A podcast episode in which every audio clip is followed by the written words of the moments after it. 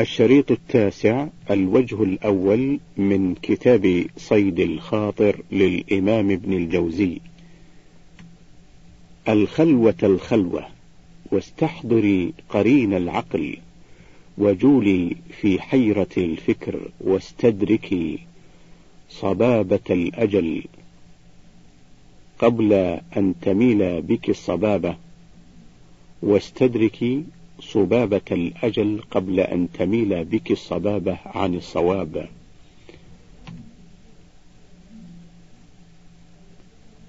الهامش الصبابة البقية والصبابة الصبوة والميل. انتهى الهامش. وعجبا كلما صعد العمر نزلت وكلما جد الموت هزلت. أتراك ممن ختم له بفتنة وقضيت عليه عند آخر عمره المحنة. كان أول عمرك كان أول عمرك خيرا من الأخير. كنت في زمن الشباب أصلح منك في زمن أيام المشيب وتلك الأمثال نضربها للناس وما يعقلها إلا العالمون. نسأل الله عز وجل ما لا يحصل مطلوبنا إلا به وهو توفيقه إنه سميع مجيب. مئة وثمانية وثلاثون من ترك شيئا لله عوضه الله خيرا منه. قدرت في بعض الأيام علي شهوة للنفس هي عندها أحلى من الماء. قدرت في بعض الأيام أو قدرت في بعض الأيام على شهوة للنفس هي عندها أحلى من الماء الزلال في فم الصاد. وقال التأويل ما ها هنا مانع ولا معوق إلا نوع ورع. وكان ظاهر الأمر امتناع الجواز فترددت بين الأمرين. فمنعت النفس عن ذلك فبقيت حيرتي لمنع ما هو الغاية في غرضها من غير صاد عنه بحال إلا حذر المنع الشرعي. فقلت لها يا نفس والله ما من سبيل إلا ما لا يؤمن من دونه. فتقلقلت. فصحت بها كم وافقتك في مراد ذهبت لذته وبقي التأسف على فعله. فقدري بلوغ الغرض من هذا المراد. أليس الندم يبقى في مجال اللذة أضعاف زمانها؟ فقالت كيف أصنع؟ فقلت صبرت ولا والله ما بي جلادة على الحب لكني صبرت على الرغم. وها أنا أنتظر من الله عز وجل حسن الجزاء على هذا الفعل. الهامش في قوله وها أنا الفصيح وها أنا ذا انتهى الهامش. وها أنا أنتظر من الله عز وجل حسن الجزاء على هذا الفعل وقد تركت باقي هذه الوجهة بيضاء. الهامش أي هذه الصفحة. انتهى الهامش. أرجو أن أرى حسن الجزاء على الصبر فأسطره فيه إن شاء الله. فأسطره فيه إن شاء الله تعالى. فإنه قد يعجل جزاء الصبر وقد يؤخره.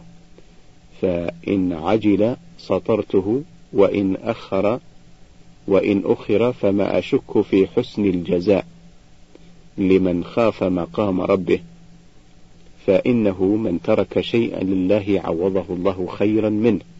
والله إني ما تركته إلا لله تعالى ويكفيني تركه ذخيرة. حتى لو قيل لي أتذكر يوما آثرت الله على هواك قلت يوم كذا وكذا. فافتخري أيتها النفس بتوفيقك واحمدي من وفقك فكم قد خذل سواك واحذري أن تخذلي في مثلها واحذري أن تخذلي في مثلها ولا حول ولا قوة إلا بالله العلي العظيم. وكان هذا في سنة إحدى وستين وخمسمائة فلما دخلت سنة خمس وستين عوضت خيرا من ذلك بما لا يقارب. مما لا يمنع منه ورع مما لا يمنع منه ورع ولا غيره. فقلت هذا جزاء الترك لأجل الله سبحانه في الدنيا ولأجل الآخرة خير ولأجر الآخرة خير والحمد لله. مئة وتسعة وثلاثون. تذهب اللذة ويبقى العقاب. لا أنكر على من طلب لذة الدنيا من طريق المباح. لأنه ليس كل أحد يقوى على الترك إنما المحنة على من طلبها فلم يجدها إلا من طريق الحرام فاجتهد في تحصيلها. فلم يجدها إلا من طريق الحرام فاجتهد في تحصيلها ولم يبالي كيف حصلت. فهذه المحنة التي بخس أو بخس العقل فيها بخس العقل فيها حقه ولم ينفع صاحبه وجوده لأنه لو وزن ما أوثر وعقابه طاشت كفة اللذة التي فنيت عنه التي فنيت عند أول ذرة من جزائها. وكم قد رأينا ممن آثر شهوته فسلبت دينه فليعجب العاقل حين التصفح لأحوالهم. كيف آثروا شيئا ما أقاموا معه وصاروا إلى عقاب لا يفارقهم فالله الله في بخس العقول حقها ولينظر السالك أين يضع القدم فرب مستعجل وقع في بير بوار. الهامش أي في بئر فارغة مهجورة وقد كرر هذه الصورة مرارا. انتهى الهامش. ولتكن عين التيقظ مفتوحة فإنكم في صف حرب لا يدرى فيه من أين يتلقى النبل فأعينوا أنفسكم ولا تعينوا عليها. مئة وأربعون. الطاعة بامتثال الأمر واجتناب النهي. الحق عز وجل أقرب إلى عبده من حبل الوريد.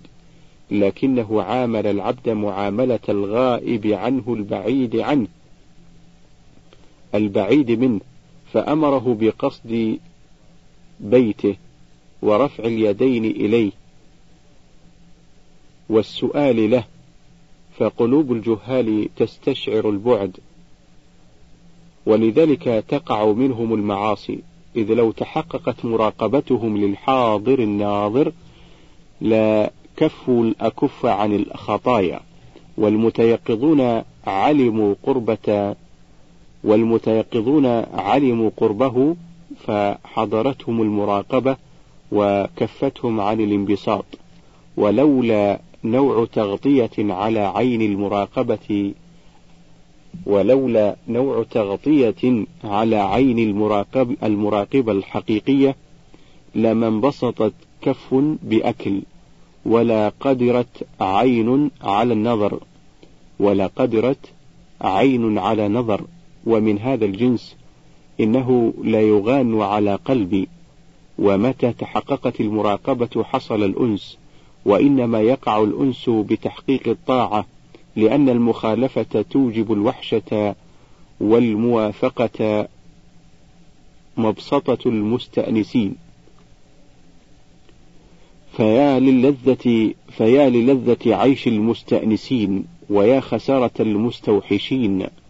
وليست الطاعة كما يظن أكثر الجهال أنها في مجرد الصلاة والصيام إنما الطاعة الموافقة بامتثال الأمر واجتناب النهي. هذا هو الأصل والقاعدة الكلية. فكم من متعبد بعيد لأنه مضيع الأصل. وهادم للقواعد بمخالفة الأمر أو ارتكاب النهي وإنما المحقق من أمسك وإنما المحقق من أمسك ذؤابة ميزان المحاسبة للنفس فأدى ما عليه واجتنب ما نهي عنه فإن رزق زيادة تنفل وإلا لم يضره. والسلام. مئة وواحد وأربعون. اللذات مشوبة بالنغص فعليك بدفع الأيام. الدنيا في الجملة معمر فينبغي للإنسان ألا ينافس بلذاتها وأن يعبر الأيام. فإنه لو تفكر في كيفية الذبائح ووسخ من يباشرها وعمل الكامخ وغيرها من من المأكولات ما طابت له. الهامش الكامخ هو الإيدام. انتهى الهامش. ولو تفكر في جولان اللقمة مختلطة بالريق ما قدر على إساغتها فلا يخلو من حالتين. إما أن يريد التنعم باللذات المباحات أو يريد دفع الوقت بالضرورات وأيهما طلب فلا ينبغي له أن يبحث فيما يناله فيما يناله عن باطنه فإنه لو نظر إلى عورة الزوجة نبى عنها. وقد قالت عائشة رضي الله عنها ما رأيته من رسول الله صلى الله عليه وسلم ولا رآه مني. فينبغي للعاقل أن يكون له وقت معلوم يأمر زوجته بالتصنع له فيه ثم يغمض عن التفتيش ليطيب له عيشه. وينبغي لها أن تتفقد من نفسها هذا فلا تحضره إلا على أحسن حال. وبمثل هذا يدوم العيش. فأما إذا حصلت البذلة بانت بها العيوب فنبت النفس. وطلبت الاستبدال. ثم يقع في الثانية مثل ما يقع في الأولى وكذلك ينبغي أن يتصنع لها كتصنعها له ليدوم الود بحسن الائتلاف. ومتى لم يجر الأمر على هذا في حق من له أنفة من شيء تنبو عنه النفس وقع في أحد أمرين إما الإعراض عنها وإما الاستبدال بها. ويحتاج في حالة الإعراض إلى صبر عن أغراضه وفي حالة الاستبدال إلى فضل مؤونة وكلاهما يؤذي. ومن لم يستعمل ما وصفنا لم يطب له عيش في متعة ولم يقدر على دفع الزمان كما ينبغي. مئة واثنان وأربعون. نعم الله عليك كثيرة فلا تتعرض إلى ما يكرهه.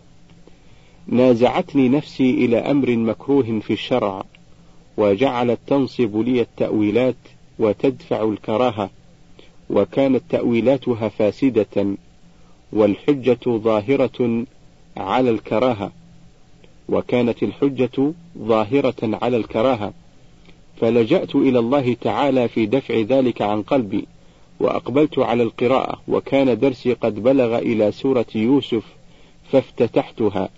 وذلك الخاطر قد شغل قلبي حتى لا أدري ما أقرأ. فلما بلغت إلى قوله تعالى قال معاذ الله إن ربي أحسن مثواي انتبهت لها وكأني خطبت بها فأفقت من تلك السكرة وقلت يا نفس أفهمت؟ هذا حر بيع ظلما. هذا حر بيع ظلما فراعي حق من أحسن إليه. هذا حر بيع ظلما فراعى حق من أحسن إليه. وسماه مالكا وإن لم يكن عليه ملك. فقال إنه ربي. ثم زاد بيان موجب كف كفه عما يؤذيه فقال أحسن مثواي فكيف بك وأنت عبد على الحقيقة؟ لمولى ما زال يحسن إليك من ساعة وجودك وأن ستره عليك الزلل أكثر من عدد الحصى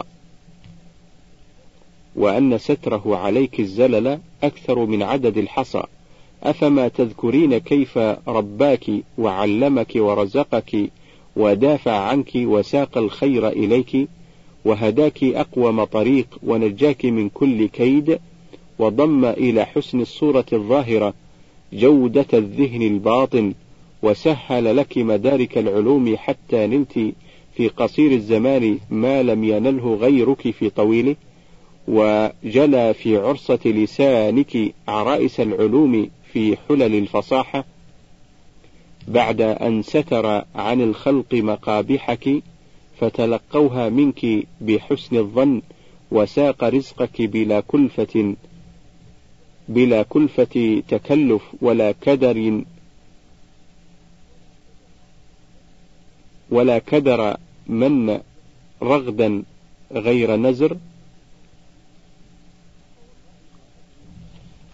فوالله ما أدري أي نعمة عليك أشرح لك. حسن الصورة وصحة الآلات أم سلامة المزاج واعتدال التركيب أم لطف الطبع الخالي عن خساسة أم إلهام الرشاد منذ الصغر أم الحفظ بحسن الوقاية عن الفواحش والزلل أم تحبيب طريق النقل واتباع الأثر من غير جمود على تقليم على تقليد لمعظم ولا انخراط في سلك مبتدع وإن تعدوا نعمة الله لا تحصوها. كم كائد نصب لك المكائد فوقاك كم عدو حط كم عدو حط منك بالذم فرقاك كم أعطش من شراب الأمان خلقا وسقاك كم أمات من لم يبلغ بعض مرادك وأبقاك فأنت تصبحين وتمسين سليمة البدن.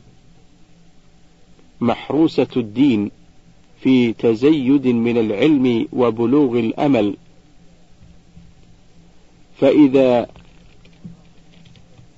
منعت مرادا فرزقت الصبر عنه بعد أن تبين لك وجه الحكمة في المنع حتى يقع اليقين بأن المنع أصلح. ولو ذهبت ولو ذهبت ولو ذهبت أعد من هذه النعم ما نسخ ذكره. امتلأت الطروس ولم تنقطع الكتابة. وأنت تعلمين أن من لم أن ما لم أذكره أكثر وأن ما أومأت إلى ذكره لم يشرح. فكيف فكيف يحسن بك التعرض بما يكرهه؟ معاذ الله إن ربي أحسن مثواي إنه لا يفلح الظالمون. مئة وثلاثة وأربعون. من حال حو من حام حول الحمى أوشك أن يقع فيه. ما رأيت أعظم فتنة من مقاربة الفتنة وقل أن يقاربها إلا من يقع فيها ومن حام حول الحمى يوشك أن يقع فيه. قال بعض المعتبرين الهامش أظنه يعني نفسه وأنه هو صاحب القصة. انتهى الهامش. قال بعض المعتبرين قدرت على لذة ظاهرها التحريم ويحتمل الإباحة إذ الأمر فيها مردد. فجاهدت النفس فقالت أنت ما تقدر فلهذا تترك فقارب المقدور عليه. فإذا تمكنت فإذا تمكنت فتركت كنت تاركا حقيقة. فقلت ففعلت وتركت. كنت تاركا حقيقة ففعلت وتركت. ثم عاودت ثم عاودت مرة أخرى في تأويل أرتني فيه الجواز. وإن كان الأمر يحتمل فلما وافقتها أثر ذلك ظلمة في قلبي. أثر ذلك ظلمة في قلبي لخوف أن يكون الأمر محرما. فرأيت أنها تارة تقوى علي بالترخص والتأويل وتارة أقوى عليها بالمجاهدة والامتناع. فإذا رخصت لم آمن أن يكون ذاك لم آمن أن يكون ذلك الأمر محظورا. ثم أرى عاجلا تأثير ذلك الفعل في القلب. فلما لم آمن عليها بالتأويل تفكرت في قطع طمعها من ذلك الأمر المؤثر. فلم أرى ذلك إلا بأن قلت لها قدري أن هذا الأمر أو قدري أن هذا الأمر مباح قطعا. فوالله الذي لا إله إلا هو لا عدت إليه. فانقطع طمعها باليمين والمعاهدة. وهذا أبلغ دواء وجدته في امتناعها. لأن تأويلها لا يبلغ إلى أن تأمر لأن تأويلها لا يبلغ إلى أن تأمر بالحنث والتكفير فأجود الأشياء قطع أسباب الفتن وترك الرخص فيما يجوز إذا كان حاملا ومؤديا إلى ما لا يجوز. والله الموفق. مئة وأربعة وأربعون. سكرة الهوى. لولا غيبة العاصي في وقت المعاصي كان كالمعاند. لولا غيبة العاصي في وقت المعاصي أو لولا غيبة العاصي في وقت المعاصي كان كالمعاند غير أن الهوى يحول بينه وبين الفهم وبين الفهم للحال. فلا يرى إلا قضاء شهوته. وإلا فلولا وإلا فلو لاحت له المخالفة خرج من الدين بالخلاف. فإنما يقصد هواه فيقع الخلاف ضمنا وتبعا. وأكثر ما يقع هذا في مقاربة الفتنة. وقل من يسلم عند المقاربة لأنه كتقديم نار إلى حلفة الهامش حلفة نبت من نبت البادية. سريع الاشتعال. يريد أن اجتماع المرأة والرجل في معرض الفتنة كاجتماع النار والبارود. فإذا اجتمع ولم يكن انفجار جاز أن يختلط الجنسان الاختلاط الذي نراه الآن. ثم لا يكون سفاد ولا فساد وهيهات. انتهى الهامش. ثم لو ميز العاقل بين قضاء وطره لحظة وانقضاء باقي العمر بالحسرة على قضاء ذلك الوطر لما قرب منه ولو أعطي الدنيا غير أن سكرة الهوى تحول بين الفكر وذلك. آه كم من معصية مضت في ساعاتها كأنها لم تكن ثم بقيت آثارها وأقلها ما لا يبرح من المرارة في الندم. والطريق الأعظم في الحذر ألا يتعرض لسبب فتنة ولا يقاربه. ألا يتعرض لسبب فتنة ولا يقاربه. الهامش فلا يزج بابنه أو بنته في أماكن الاختلاط ولو كانت أماكن علم ولو كان من ورائها علم الأولين والآخرين. ولو كان من ورائها علم الأولين والآخرين. انتهى الهامش. فمن فهم هذا وبالغ في الاحتراز كان إلى السلامة أقرب. مئة وخمسة وأربعون. دع المباحات فربما آذت في الدين البلايا على مقادير الرجال فكثير من الناس تراهم ساكنين راضين بما عندهم من دين ودنيا وأولئك قوم وأولئك قوم لم يرادوا لمقامات لمقامات الصبر الرفيعة. أو علم ضعفهم عن مقاومة البلاء فلطف بهم. إنما المحنة العظمى أن ترزق همة عالية لا تقنع منك إلا بتحقيق الورع وتجويد الدين وكمال العلم ثم تبتلى بنفس تميل إلى المباحات. وتدعي أنها تجمع بذلك همها وتشفي مرضها لتقبل مزاحة العلة على تحصيل الفضائل. وهاتان الحالتان كضدين لأن الدنيا والآخرة ضرتان. لأن الدنيا والآخرة ضرتان واللازم في هذا المقام مراعاة الواجبات. وألا يفسح للنفس في مباح لا يؤمن أن يتعدى منه إعراض عن واجب. أن يتعدى منه إعراض عن واجب ورع. المبتلي يصيح فلأن يبكي الطفل خير من أن يبكي الوالد. واعلم أن فتح باب المباحات ربما جر أذى كثيرا في الدين فأوثق السكر قبل فتح الماء. الهامش سكر الماء من عامي الشام الفصيح وهو المسناه أي سد الماء.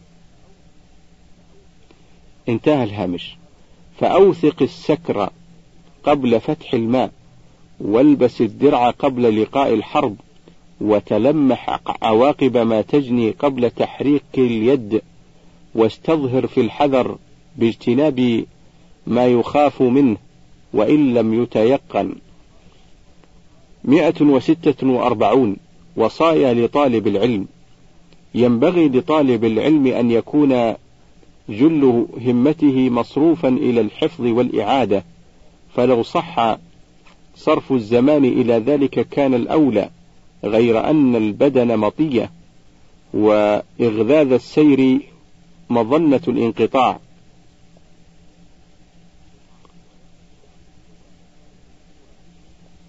ولما كانت القوى تكل فتحتاج إلى تجديد وكان النسخ والمطالعة والتصنيف لا بد منه مع أن المهم الحفظ وجب تقسيم الزمان على الأمرين فيكون الحفظ في طرفي النهار وطرفي الليل ويوزع الباقي بين عمل بالنسخ والمطالعة وبين راحة للبدن وأخذ لحظة وبين راحة للبدن وأخذ لحظه. ولا ينبغي أن يقع الغبن بين الشركاء. فإنه متى أخذ أحدهم فوق حقه أثر الغبن وبان أثره. وإن النفس لتهرب إلى النسخ والمطالعة والتصنيف عن الإعادة والتكرار لأن ذلك أشهى وأخف عليه. لأن ذلك أشهى وأخف عليها. فليحذر الراكب من إهمال الناقة ولا يجوز له أن يحمل عليها ما لا تطيق. ومع العدل والإنصاف يتأتى كل مراد.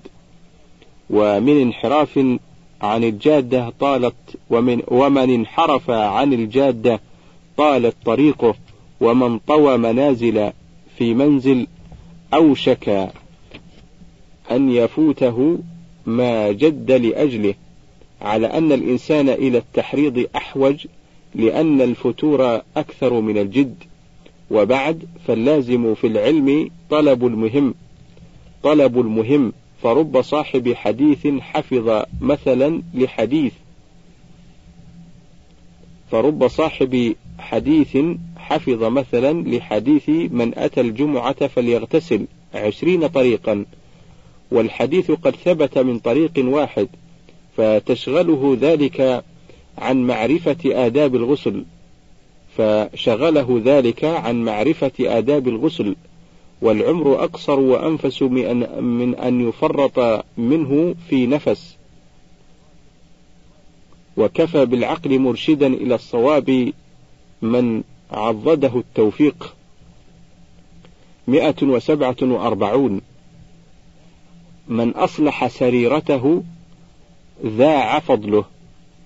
إذا صح قصد العالم استراح من كلف التكليف فإن كثيرا من العلماء يأنفون من قول لا أدري فيحفظون بالفتوى جاههم عند الناس لئلا يقال جهلوا الجواب وإن كانوا على غير يقين مما قالوا وهذا نهاية الخذلان. وقد روي عن مالك بن أنس أن رجلا سأله عن مسألة فقال لا أدري فقال قطعت البلدان إليك فقال ارجع إلى بلدك. وقل سألت مالكا فقال لا أدري. فانظر إلى دين هذا الشخص وعقله كيف استراح من الكلفة وسلم عند الله عز وجل. ثم إن ثم إن كان المقصود الجاه ثم إن كان المقصود الجاه عندهم فقلوبهم بيد غيرهم. والله لقد رأيت من يكثر الصلاة والصوم والصمت ويتخشع في نفسه ولباسه والقلوب تنبو عنه وقدره في النفس وقدره في النفوس ليس بذاك.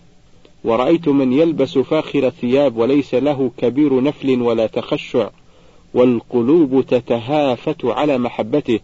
فتدبرت السبب فتدبرت السبب فوجدته فوجدته السريرة.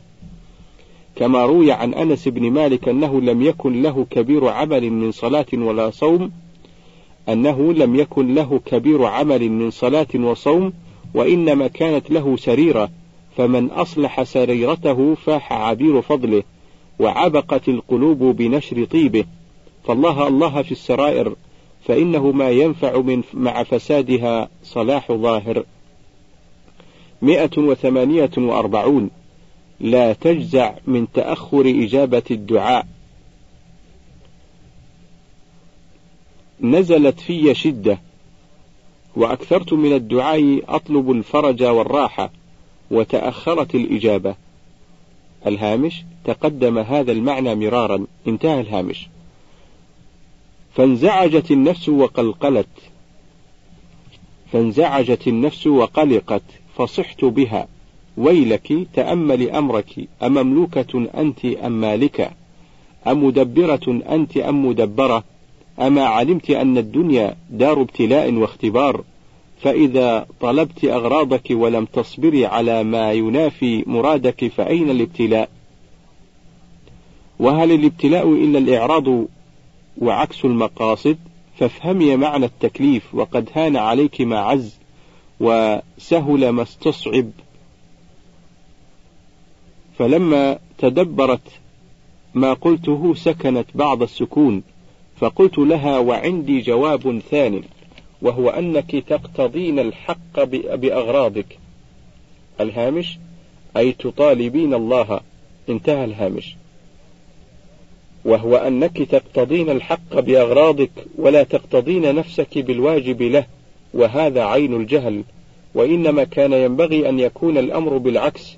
لأنك, لأنك مملوكة والمملوك العاقل يطالب نفسه بأداء حق المالك ويعلم أنه لا يجب على المالك تبليغه ما يهوى فسكنت أكثر من ذلك السكون.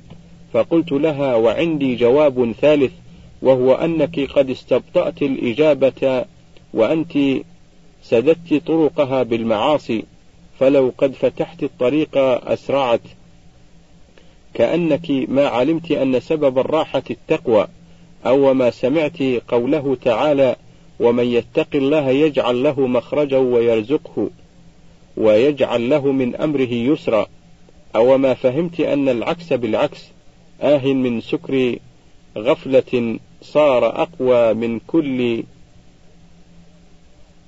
سكر في وجه مياه المراد صار أقوى من كل سكر في وجه مياه المراد يمنعها من الوصول إلى زرع الأمان.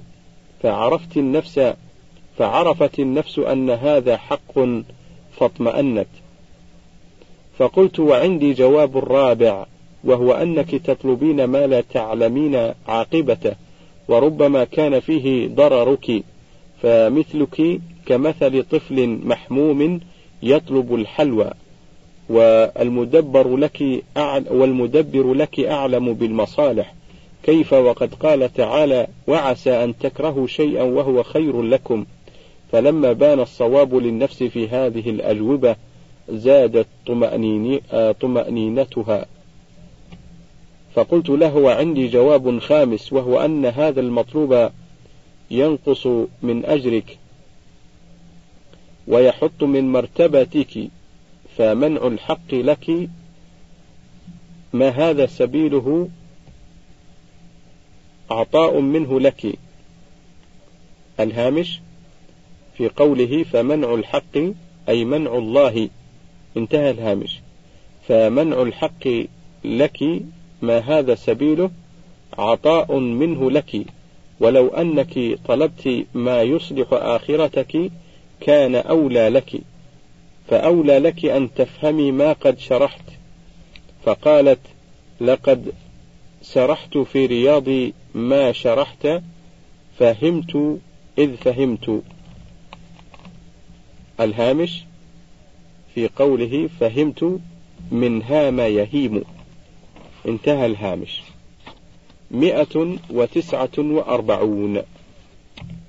على العالم طلب الغنى. حضرنا بعض أغذية أرباب الأموال فرأيت العلماء أذل الناس عندهم فالعلماء يتواضعون لهم ويذلون لموضع طمعهم فيهم وهم لا يحفلون بهم لما يعلمونهم لما يعلمونه من احتياجهم إليهم فرأيت هذا عيبا في الفريقين. أما في أهل الدنيا أما في أهل الدنيا فوجه العيب أنهم كانوا ينبغي لهم أنهم كانوا ينبغي لهم تعظيم العلم ولكن لجهلهم بقدره فاتهم. وآثروا عليه كسب الأموال فلا ينبغي أن يطلب منهم تعظيم ما لا يعرفون ولا يعلمون قدره. وإنما أعود باللوم على العلماء وأقول ينبغي لكم أن تصونوا أنفسكم التي شرفت بالعلم عن الذل للأنذال. ينبغي لكم أن تصونوا أنفسكم التي شرفت بالعلم عن الذل للأنذال. وإن كنتم في غنى عنهم كان الذل لهم والطلب منهم حراما عليكم. وإن كنتم في كفاف فلما لم تؤثروا التنزه عن الذل بالعفة عن الحطام الفاني الحاصل بالذلة إلا أنه يتخيل لي من هذا الأمر أني علمت قلة صبر النفس على الكفاف والعزوف عن الفضول فإن وجد ذلك منها في وقت لم يوجد على الدوام فالأولى للعالم أن يجتهد في طلب الغنى. ويبالغ في الكسب وإن ضاع بذلك عليه كثير من زمان طلب العلم فإنه يصون بعرضه فإنه يصون بعرضه عرضه. وقد كان سعيد بن المسيب يتجر في الزيت وخلف مالا وخلف سفيان الثوري مالا وقال لولاك لا لولاك لتمندلوا بي. وخلف سفيان الثوري مالا وقال لولاك لتمندلوا بي. الهامش أي اتخذوني ممسحة أي منديلا أو لعل لها في عامية ذلك الزمان معنى آخر يريده المؤلف. انتهى الهامش. وقد سبق في كتاب هذا في بعض الفصول شرف المال. ومن كان من الصحابة والعلماء يقتنيه والسر في فعلهم ذلك وحث طالبي العلم على ذلك وما بينته من أن النفس لا تثبت على التعفف ولا تصبر على دوام التزهد وكم قد رأينا من شخص قويت عزيمته على طلب الآخرة فأخرج ما في يديه ثم ضعفت فعاد يكتسب من أقبح وجه فالأولى ادخار المال والاستغناء عن الناس. فالأولى ادخار المال والاستغناء عن الناس. فيخرج الطمع من القلب ويصفو نشر العلم من شائبة ميل. ومن تأمل أخبار الأخيار من الأحبار وجدهم على هذه الطريقة. وإنما سلك طريق الترفه عن الكسب من لم يؤثر عنده بذل الدين والوجه من لم يؤثر عنده بذل الدين والوجه فطلب الراحة ونسي أنها في المعنى عناء. كما فعل جماعة من جهال المتصوفة في إخراج ما في أيديهم وادعاء التوكل وما علموا أن الكسب لا ينافي التوكل وإنما طلبوا طريق الراحة وجعلوا التعرض للناس كسبا. وهذه طريقة مركبة من شيئين. أحدهما قلة الأنفة على العرض الثاني قلة العلم. مئة وخمسون. لو تأمل العاصي عظمة الخالق ما عصاه. تأملت وقوع المعاصي من العصاة فوجدتهم لا يقصدون العصيان وإنما يقصدون موافقة هواهم. فتبع العصيان تبعا. فتبع العصيان تبعا. فنظرت في سبب ذلك الإقدام مع العلم بوقوع المخالفة فإذا به ملاحظتهم لكرم الخلق وفضله الزاخر.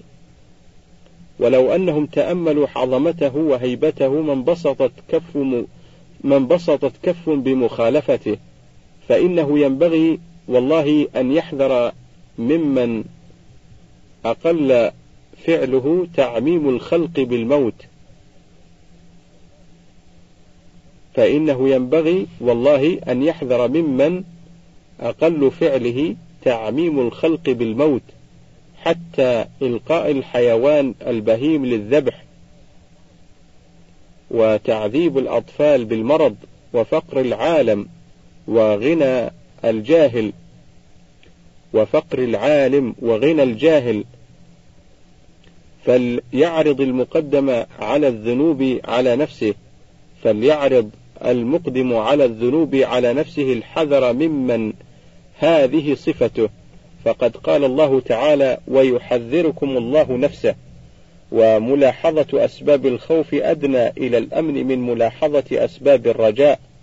فالخائف آخذ بالحزم والراجي متعلق بحبل طمع وقد يخلف الظن أو وقد يخلف الظن. مئة وواحد وخمسون على العالم ألا يذل لأرباب الدنيا. رأيت عموم أرباب الأموال يستخدمون العلماء يستدلونهم بشيء يسير يعطونهم من زكاة أموالهم فإن كان لأحدهم ختمة قال ففلان ما حضر وإن مرض قال فلان ما تردد وكل منته عليه شيء وكل منته عليه شيء نزر ويجب تسليمه إلى مثله وقد رضي العلماء بالذل في ذلك لموضع الضرورة فرأيت أن هذا جهل من العلماء بما يجب عليهم من صيانة العلم. ودواؤه من جهتين إحداهما القناعة باليسير كما قيل من رضي بالخل والبقل لم يستعبده أحد والثاني صرف بعض الزمان المصروف في خدمة العلم إلى كسب الدنيا فإنه يكون سببا لإعزاز العلم. وذلك أفضل من صرف جميع الزمان في طلب العلم مع احتمال هذا الذل ومن تأمل ما تأملته وكان له أنفة قدر قوته واحتفظ بما بما معه أو سعى في مكتسب في مكتسب يكفه ومن لم يأنف مثل هذه الأشياء لم يحفظ من العلم لم يحظ من العلم إلا بصورته دون معناه. انتهى الوجه الأول وننتقل إلى الوجه الثاني.